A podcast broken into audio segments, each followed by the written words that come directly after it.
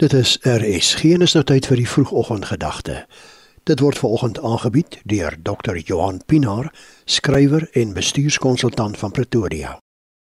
Goeiemôre, dankie dat jy ingeskakel is. Ek lees so rukkie gelede in Romeine 8 vers 37 hierdie baie bemoedigende teks wat sê maar in al hierdie dinge is ons meer as oorwinnaars deur hom wat ons liefhet. Dit laat my dink aan die baie besondere verhaal van Sudha Chandran. Ek hoop ek spreek haar naam reguit. 'n Indiese dogter wat begin dans het toe sy maar 3 en 'n half jaar oud was. Op 16 jarige leeftyd het sy Indië letterlik aan haar voete gehad. Almal het gesê sy was bestem vir groot dinge. Die groot hoeveelheid uitnodigings wat sy gekry het, het dit gesê. Tot een middag, op pad huis toe, beland hulle bus in 'n ongeluk. Sy self het nie baie seer gekry nie, maar as gevolg van verkeerde behandeling het haar een been gangreen ontwikkel en na rukkie moes hulle dit amputeer.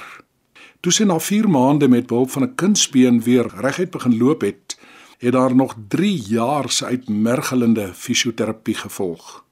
Soveel mense het met haar gesimpatiseer en vir haar gesê hulle is so hartseer dat haar droom nooit bewaarheid sou word nie. Haar dansloopbaan was menslik gesproke verby. En nou die wonderlike.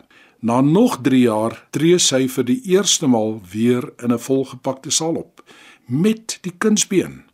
Die koerant het hieroor uitgeroep: "Loses a foot, walks a mile." Toe iemand na die tyd vir haar vrou sê dit reg gekry het, was haar betekenisvolle antwoord: "Ek het besluit dat mens nie voete nodig het om te dans nie." 'n Wonderlike verhaal een waaraan ons 'n behoefte ook nou in ons land het. Daar is 'n dringende roep vir mense om weer met passie en hoop te leef. Passie is die energie wat jou aan die gang hou lank nadat ander opgehou het. Dit motiveer jou. Jy weet Howard Thurman sê dit so mooi. Hy sê what the world needs is people who have come alive. Kan ek dit weer sê? What the world needs is people who have come alive. Christene moet weier om deur tekorte en vrese ingeperk word. Die keuse is eenvoudig. Ons kan bly kla oor alles wat verkeerd is of ons kan kies om met vreugde vanuit God se heerlike beloftes te leef. Om maar net een van hierdie baie wonderlike beloftes te noem in Efesiërs 1:19 waar Paulus uitroep, hy sê en hoe geweldig groot is sy krag wat hy uitoefen in ons wat glo. Dis dieselfde kragtige werking wat hy uitgeoefen het toe hy Christus uit die dood opgewek en hom in die hemel aan sy regterhand laat sit het. Dit is God se krag. En die groot ding is, dis vir jou.